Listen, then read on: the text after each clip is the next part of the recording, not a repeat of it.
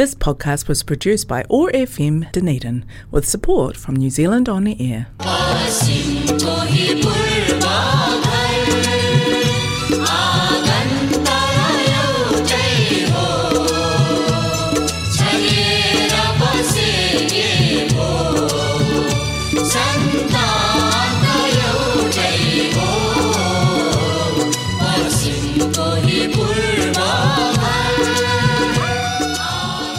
नौमाई आइरमाई। नमस्ते। हरेक मङ्गलबार साँझको छ तिस बजे प्रसारण हुने ओट्यागो एक्सेस रेडियोबाट सञ्चालित कार्यक्रम हाम्रो आवाजमा म टिका कौशिकको सम्पूर्ण श्रोताहरूमा हार्दिक अभिवादन। आज मङ्गलबार इस्वी सन् दुई हजार तेइस अप्रेल पच्चिस तारिक तदनुसार विक्रम सम्बत दुई हजार असी वैशाख बाह्र गते।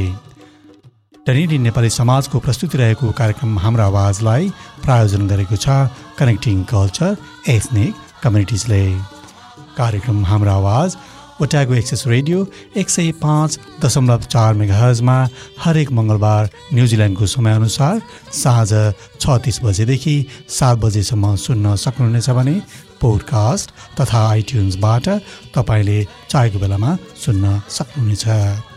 यसका अलावा कार्यक्रम हाम्रो आवाज मानवा टु पिपल्स रेडियो नौ सय उनासय एएमबाट हरेक बिहिबार न्युजिल्यान्डको समयअनुसार साँझ सात बजेदेखि सात तिससम्म पनि पुनः प्रसारण हुने गर्दछ।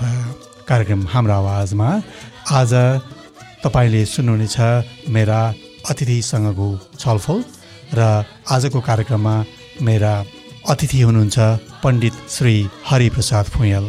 श्री फुयाल पारिवारिक भेटघाटमा संयुक्त राज्य अमेरिकाको पेन्सिल्भेनियाबाट न्युजिल्यान्डमा आफन्त भेटघाटका लागि आउनुभएको छ। उहाँ अत्यन्त जुजारु सामाजिक अभियन्ता हुनुहुन्छ। नेपाली साहित्य विकास र वैदिक सेवा समितिका लागि संयोजक भएर काम गरिसक्नु भएको छ। त्यस्तै गरी भुटानी जागरण र भुटानी कोपिला र योगीराज सन्देश नामक पत्रिकाको सम्पादक भएर काम गर्नुभएको छ भने त्रिवेणी साहित्य समितिको संयोजक र जिभिएचओ वैदिक निर्णय समितिको संयोजक पनि हुनुहुन्छ। अनलाइन कक्षाहरू सञ्चालन गर्नुहुन्छ। यसका अलावा साहित्यकार तथा कवि हुनुहुन्छ। विभिन्न पुस्तकहरू प्रकाशित गरिसक्नु भएको छ जस्तै समुद्र सतह कविता सङ्ग्रह प्रकाशन गर्नुभएको छ भने धर्म संस्कृतिसँग जोडिएको कृति नित्य कर्मकारीका खण्डकाव्य प्रकाशन गर्नुभएको छ। त्यस्तै गरेर दर्शन काव्यको रूपमा योगीराज स्मृति महाकाव्य प्रकाशन गरिसक्नु भएको छ। धेरै फुटकर कविता कथा निबन्ध प्रबन्धहरू पनि प्रकाशनमा ल्याइसक्नु भएको छ। आजको बसाइमा म केही धर्म संस्कृतिसँग जोडिएका र केही काव्य रसको पनि सोपान गराउने कोसिस गर्नेछु। सबभन्दा पहिले म कार्यक्रममा मेरा अतिथि पण्डित श्री हरिप्रसाद फुयालाई स्वागत गर्न चाहन्छु। धन्यवाद। सबैभन्दा पहिले त यहाँ युएसबाट आउनुभएको छ न्युजिल्यान्डमा विक्रम सम्बत दुई हजार असीको शुभकामनासहित यहाँलाई स्वागत गर्न पाउँदा अत्यन्तै खुसी लागेको छ। धन्यवाद हजुरलाई र जति यो न्युजिल्यान्ड निवासी श्रोताहरू हुनुहुन्छ यहाँहरूलाई पनि दुई हजार असीको हार्दिक मङ्गलमय शुभकामना। सबै व्यक्तिका लागि समय उति नै हुन्छ चौबिस घन्टा नै छुट्याएको हुन्छ। तर एउटा साधारण मानिसका लागि यो निकै ठुलो कार्यसूची पनि हो।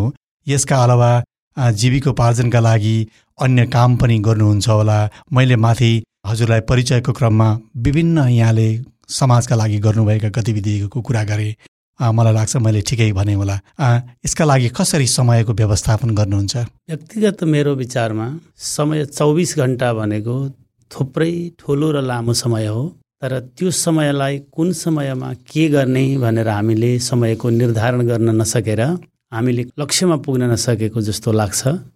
एउटा समय निर्धारण गरेर दिमागमा म गर्छु भन्ने विचार राखिसकेपछि सबकन्सियस माइन्डमा चाहिँ गर्छु भन्ने विचार राखेपछि त्यो गर्न नसक्ने समय र मनुष्यको जीवन हो जस्तो मलाई लाग्दैन।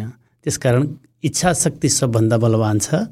इच्छा शक्ति छ भने अवश्य पनि पुरा गर्न सकिन्छ जस्तो लाग्छ। यहाँ वैदिक नियम समितिको संयोजक पनि हुनुहुन्छ। धर्म संस्कृतिका हिसाबले हामी बसेको भूमि प्रवास नै हुने गर्दछ। पहिलो पुस्ता हुन्जेल वैदिक परम्परा अलिक सहज हिसाबले चल्ला। तर दोस्रो तेस्रो पुस्ताले यसलाई कसरी आत्मसात गर्ला? चुनौतीहरू के के हुन सक्छन्? यो सभ्यता संस्कृति जो हाम्रो पूर्वीय दर्शन छ यो पूर्वीय दर्शन यो कसैले गर्दा बढ्ने र कसैले छोड्दा छोडिने चाहिँ अवश्य पनि होइन। अचलोयम सनातन अच्छेद्यो यमदाह्योय मक्लेद्यो शोष्य एव च नित्य सर्वगत स्थाणु अचलोयम सनातन। गीतामा भगवान् श्रीकृष्ण यही भन्नुहुन्छ अचल छ सनातन छ। तर यी संस्कारहरू संस्कृतिहरू जति छन् संस्कारलाई देशकाल परिस्थितिको अवस्थालाई मूल्याङ्कन गरेर त्यसमा केही परिमार्जित गर्दै केही घटाउँदै वा त केही बढाउँदै तल आउनेसम्म तल आउन सकेर गर्दै जानुपर्छ जस्तो मलाई लाग्छ। र नानीहरूमा देखिएको जो इच्छा शक्ति छ सही प्रकारले हामीले सम्प्रेषण वा सम्वाहक बन्न सक्नु हो भने त्यो सकिन्छ जस्तो अवस्था छैन तर देशकाल परिस्थिति अनुसार चलाउनु चाहिँ अवश्य पनि पर्छ त्यस्तो लाग्छ। यसका लागि कुनै किसिमको अभियान हामीलाई जरुरी हुन्छ अथवा हरेक अभिभावकले सचेत हुने अथवा समाजले सचेत हुने भने त्यसले त्यतिले पनि संस्कारलाई डोर्याउन सकिन्छ। पहिलो त अभिभावककै सचेतता हुनु नै पर्दछ। मातृपितृकृताभ्यासो गुणिता मेति बालक न गर्भच्युति मात्रेण पुत्रो भवति पण्डित। नीतिशास्त्रमा यही बताइएको छ। बाबा आमाको सत्प्रयासबाट मात्रै सन्तानले सही शिक्षा दीक्षा पाउँछन्। जन्माइदिँदा मात्रै सन्तान विद्वान हुँदैन भन्ने नीतिअनुसार हामीले सन्तानका लागि बाबा आमाले अहम भूमिका खेल्नुपर्छ।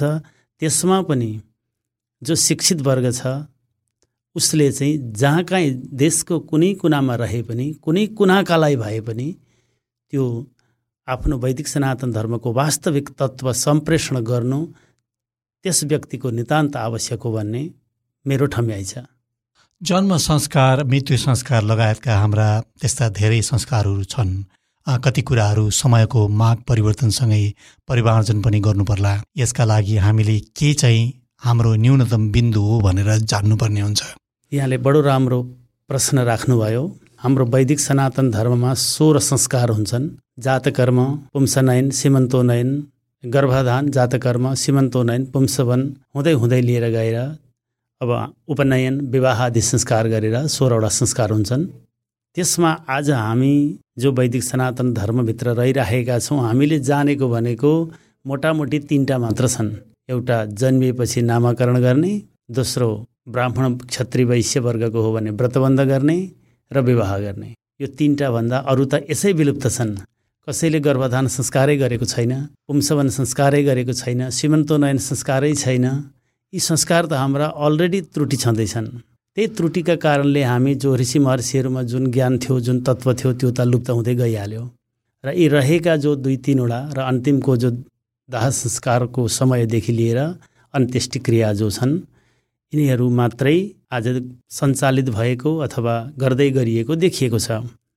यसमा पनि अब नामाकरण जो संस्कार छ यो नामाकरण चाहिँ थोरै त्रुटिपूर्ण हुन थालेको जस्तो देखिन्छ देशकाल परिस्थितिले। हाम्रो परम्परामा एघार वा बाह्र दिनका दिन विज्ञबाट जन्मिएको तिथि मिति हेरेर समय हेरेर नाम जुराइन्थ्यो। अहिले गर्भमै पनि जुराइन थाल्यो अथवा जन्मिसक्दा त राखिहाल्नु पर्यो नाम। र उसको नाम जति उसको क्यापेसिटी छ क्षमता छ योभन्दा विपरीत नामहरू रहे। नामले जीवनमा मानिसलाई ठुलो प्रभाव पार्छ। त्यस कारणले यो नामाकरण संस्कारमा चाहिँ हामी सबै सचेत भएर त्यो जन्मिएको ट्याक्कै समयलाई हेरेर हामीले सही नाम के हो त्यो राख्नुपर्ने आवश्यक देखिन्छ। त्यसले चाहिँ हामीलाई अवश्य पनि त्यो नानीको भविष्यमा एउटा अहम भूमिका खेल्छ जस्तो लागेको छ। अब जो यहाँले राख्नुभयो जन्मको कुरा अथवा नामाकरण त सजिलै भइहाल्यो त्यसमा पनि नामाकरणमा जुन कर्म छन् अब त्यहाँ गुरु पुरोहितहरू नभएर उपलब्ध नभएर यसै आफै गर्नुपर्ने पनि अवस्था छ। यस्तो अवस्थामा मातापिताले अथवा बाबा आमाले त्यसलाई सही खोजेर अनलाइनबाटै भए पनि केही संस्कारहरू आफू मातापिता लागि परेर गर्नु नितान्त आवश्यक छ। र त्यसका लागि हामी जति गुरुवर्गहरू छौँ जहाँ छौँ हामीले त्यस्तो अवस्था र ठाउँको लागि तत्काल अवस्थाअनुसार हामी उपलब्ध भएर सहयोग गरिदिनुपर्छ। यो हाम्रो कर्तव्य हो जस्तो मलाई लाग्छ। यहाँले जुन दोस्रो प्रस्ताव राख्नुभयो अन्तिम दाह संस्कारदेखि लिएर दशगात्र आदि क्रियाको कुरा अब हाम्रोमा वास्तवमा बाह्र दिनको क्रिया हुन्छ। एकदेखि दस दिनसम्म त्यहाँ पिण्डहरू दिइन्छन् जसबाट चाहिँ हाम्रो व्यक्तिको त्यो देहान्त भएको व्यक्तिको शरीर बन्दछ भनिया छ। पहिलो दिनले टाउको बनिने दोस्रो दिनकोले अङ्ग आँखाहरू नाकहरू बनिने गर्दै गर्दै नौ महिनाको गर्भ पुरा हुँदा नानीको शारीरिक अवयव जसरी पूर्ण हुन्छ त्यस्तै प्रकारले त्यो प्रेतात्माको पनि शरीर बन्दछ भन्ने हाम्रो पुराणको नियम छ गरुड पुराणमा यो बताइएको छ। त्यसअनुसार त्यसरी नै त्यो दस दिनको दशगात्र क्रिया चाहिँ हुनु नै पर्छ नत्र शरीर सिङ्गो बनिँदैन। जो यो अहिले हाम्रो शरीर छ यो पाँच भौतिक शरीर पच्चिसवटा तत्त्वले बन्दछ त्यसमा विशेष चौबिस तत्त्व आत्मतत्त्वसँग पच्चिस। र यो शरीर छुटेपछि पृथ्वी जल तेज वायु आकाशको यो पाँच भौतिक शरीर छुटेपछि ऊ सोह्रवटा तत्त्वको शरीर बन्दछ जसमालाई सूक्ष्म शरीर भनिन्छ। त्यो सूक्ष्म शरीरको गति केही पनि हुँदैन। उसको कर्मअनुसार त्यो सूक्ष्म शरीर अगाडि बढ्नै हुन्छ। त्यसका लागि त्यो स्थूल शरीर निर्माण गर्नलाई ती दस पिण्डले भूमिका खेलेको हुन्छ र त्यो दस दिन नितान्त आवश्यक छ। र एघारौँका दिन उसलाई भोक लाग्ने भएकाले त्यहाँ पिण्ड पानीहरूको व्यवस्था गरिन्छ र बाह्रौँ दिनका दिन उसलाई लगेर पितृलोकमा जोडिन्छ र क्रिया सकिन्छ। त्यो तेह्र दिनका दिन चाहिँ त्यो दिन नभ्याइएकाले शुद्ध शान्तिका लागि तेह्र दिन राखिएको हो। क्रिया वास्तवमा बाह्र दिन पूर्ण हुन्छ र तेह्र दिनका दिन त्यसको शुद्ध शान्ति गरिन्छ। योभन्दा दशगात्र क्रिया छोट्याउने अवस्था चाहिँ शास्त्रले दिएको छैन। जसरी नानीको पनि जन्म गर्भरयदेखि नौ महिना पूर्ण हुँदा मात्रै पूर्ण अङ्ग लिएर जन्मिए जस्तै त्यो प्रेतात्माको पनि त्यो दस दिनका पिण्डबाट मात्रै पूर्ण अङ्ग हुने र एघारौँमा भोक लाग्ने र बाह्रौँमा उसलाई लगेर पितृलोकमा मिलाइने परम्परा रहेको हुनाले त्यसरी गर्ने। तर त्यसमा पनि देशकाल परिस्थिति कस्तो छ? भरिसके सूक्ष्म प्रकारले सरल प्रकारले त्यो अप्ठ्यारो परेको दुर्घटनाको समयमा सबै समाज र शिक्षित वर्गले सहयोग गरेर तिनीहरूलाई सहज पारिदिनुपर्छ जस्तो चाहिँ मलाई लाग्छ र वास्तवमा हामीले यसै गर्दै पनि आएका छौँ। कति ठाउँ अप्ठ्यारो परेको बेलामा हामीले यो कोभिडको बेलामा एउटा घोषणा गरेको थियो ग्लोबल भुटनिस अर्गनाइजेसनको तर्फबाट हामी वैदिक निर्णय समितिले जसको चाहिँ आवागमनै हुँदैन। गुरु पुरोहित आउनै सक्नुहुन्न। कोभिडले भेट्टाइराखेको छ भने त्यतिखेरका लागि एउटा आपतकालीन धर्म छ। त्यो धर्म प्रयोग गरिन्छ। त्यो आपतकालीन आपद हुँदा मात्रै प्रयोग हुन्छ त्यो चाहिँ। सर्वसाधारण अवस्थामा हुँदैन। जब आपतको समय आउँछ भने जहिले ठिक हुन्छ तैले गर्न पनि सकिन्छ। तर त्यो चाहिँ सङ्कटकालको अवस्थाको लागि हो। साधारण अवस्थामा हुँदैन भनेर हामी सबै आचार्यहरू गुरुजीहरू महाराजजीहरू बसेर त्यसको घोषणा मैले गरेको थिएँ। यहाँहरू सबैले सुन्नुभयो होला र त्यस्तो अवस्था पनि गरेर गराउन सकिन्छ। विभिन्न परम्परा अनुसार अब यो विधि छ विधिवत हिसाबले नै राखेको छ नि त। त्यो त एक किसिमले हेर्दा अहिले वैज्ञानिक पनि देख्न सक्छौँ हामीले। जुन किन दस दिन लाग्छ बाह्र दिन लाग्छ किन तेह्र दिन लाग्छ भन्ने त्यसको त्यो अवधि जति आवश्यक छ त्यति नै लागेर नै बनाएकै नै हो नि त होइन? हामीले अलङ्कारका हिसाबमा लिँदाखेरि हामीले मानिलियौँ अब अहिले पुरा विद्युतीय सञ्चारको जमाना छ। हामीले इमेल पठाउँदा एउटा बिन्दु गलत भयो भने पनि त्यो इमेल हाम्रो जाँदैन। फ्याक्समा भनेको एउटा सङ्केत गल्ती भयो भने पनि जाँदैन। भनेको अर्थ यहाँ पनि हाम्रो सही ढङ्गले गरिएन भने त त्यो त सही ठाउँमा त काम त लागेन नि त। त्यसले त प्राप्ति त पाएन होइन? पाउँदैन। जस्तै हाम्रो वैदिक नियममा वेदमा एउटा मन्त्र छन् जसलाई हामी भन्छौँ फ्याक्स नम्बर हाम्रो तर्पण पिण्डहरू वर्ष दिनमा मातापिताको लागि श्राद्ध गरिन्छ। श्राद्धको वास्तविक अर्थ श्रद्ध धातुमा घय प्रत्यय लागेर श्राद्ध शब्दको व्युत्पत्ति हुन्छ। त्यो चाहिँ श्रद्धासँग गरिने भएकाले श्राद्ध भनिएको हो। त्यहाँ पिण्ड दिइन्छन्। त्यो दशगात्रमा पनि पिण्ड हुन्छन्। ती पिण्डहरू पितृलोकमा गएका पितृलाई फ्याक्स गर्ने नम्बर हुन्छन्। जसरी हामीले अहिले यहाँले जुन कुरा उठाइबक्स्यो त्यस्तै एउटा इमेल पठाउनु पऱ्यो फ्याक्स पठाउनु पऱ्यो भने नम्बर सही थिच्नुपर्छ जसरी त्यस्तै प्रकारले पिताको अथवा पुरुष जातिको पिण्ड पठाइँदैछ भने एउटा वैदिक नम्बर छ जसलाई मन्त्र भनिन्छ। अब त्यसै गरी आमा वर्ग दिदीबहिनी जो चाहिँ नारी वर्गलाई पठाइने एउटा मन्त्र छ। त्यो त्यही अनुसारले पठाइनुपर्छ। त्यो मन्त्र कहाँ ढिलो उच्चारण गर्ने कुन वर्णलाई कुन वर्णलाई छिटो गर्ने ह्रस्व दीर्घ प्लुत वर्ण हुन्छन्। त्यसको ख्याल गरेरै उच्चारण गर्नुपर्छ। यदि ती गुरुजनबाट त्यो मन्त्रको उच्चारण गलत भएको छ भने त्यो पितृले पाउँदैनन् र पितृश्रापी हुने सम्भावना हुन्छ। त्यस्तो यदि भएमा त्यो दोष कसलाई हुन जान्छ? त्यो पहिलो त राजा राष्ट्रकृतम पापम राज्ञ पापम पुरोहित भर्ता चस्त्रकृतम पापम शिष्य पापम गुरुस्तथा भनिएको छ। यज्ञको पाप सारा पुरोहितलाई लाग्छ। राष्ट्रमा अन्याय फैलियो भने त्यो राष्ट्रको पाप त्यो राष्ट्रनायकलाई लाग्छ यज्ञको पाप पुरोहितलाई लाग्छ पत्नीले गल्ती गरिन् भने त्यो पाप पतिलाई लाग्छ शिष्य पापम गुरुस तथा शिष्य छाडा छोडियो सठिकसँगले शिष्य बनाइएको छैन भने त्यो पाप गुरुलाई लाग्छ। यो चाहिँ वैदिक शास्त्रको एउटा निर्णायक बिन्दु हो। यस कारणले उच्चारणमा गुरुजनले बडो ख्याल गरेर जस्तै उदाहरणमा एउटा आमालाई अथवा दिदीबहिनीलाई पिण्ड फ्याक्स गर्ने मन्त्र यहाँलाई निवेदन गरौँ। आमावाजस्य जग आमावाजस्य प्रसवो जगम्या देमे द्यावा पृथिवी विश्वरूपे। आमा गन्तां पितरा मातरा चामा सोमो अमृतत्वेन गम्यात्। यो मन्त्रद्वारा आमालाई पिण्ड र तर्पण फ्याक्स गरिन्छ। नमो वह पितरो रसाय नमो वह पितरः शोखाय नमो वः पितरो जीवाय नमो वः पितरो मन्यवे नमो वः पितरः पितरो नमो वो गृहान्नः पितरो धत्तसतो वः पितरो द्वेक्मै तद्वः पितरो वास आधत। यो मन्त्र पिताजीलाई तर्पण पिण्ड फ्याक्स गर्ने मन्त्र हो यो मन्त्र अशुद्ध भयो भने उहाँहरूले प्राप्त गर्नुहुन्न। त्यो दोष सबै त्यो गुरुजीलाई अथवा पुरोहितलाई लाग्दछ। फ्याक्स अथवा इमेल फर्केर आउँछ। फर्केर आउँछ। अत्यन्तै मिठो कुराकानी भइरहेको छ तर समयलाई पनि मैले हेर्नुपर्ने हुँदाखेरि हामी अलिकति अगाडि लम्किनुपर्ने अवस्था छ। यहाँका कृतिहरूको केही अनुच्छेदहरू अथवा पङ्क्तिहरू सुन्ने मन थियो। तर समयको हिसाबले म अलिकति अगाडि दौडाउँदैछु। यहाँले प्रकाशनमा ल्याउनु भएको जुन दर्शन बोकेको महाकाव्य जुन योगीराज स्मृति काव्य यहाँको रहेको छ त्यसको एउटा छोटो अंश सुनौ यो चाहिँ करिब करिब साढे सात सय श्लोक जति यसमा पहिलो खण्डमा छन् र टोटलमा पैँतालिस सय श्लोक छन् यस महाकाव्यमा। यसमा म अलिकति छोटकरीमा यो गीताको सारांश जस्तो यसमा राखिएको छ दर्शन भएकाले प्राय अधिकांश दर्शन पाटो बोकिएको छ।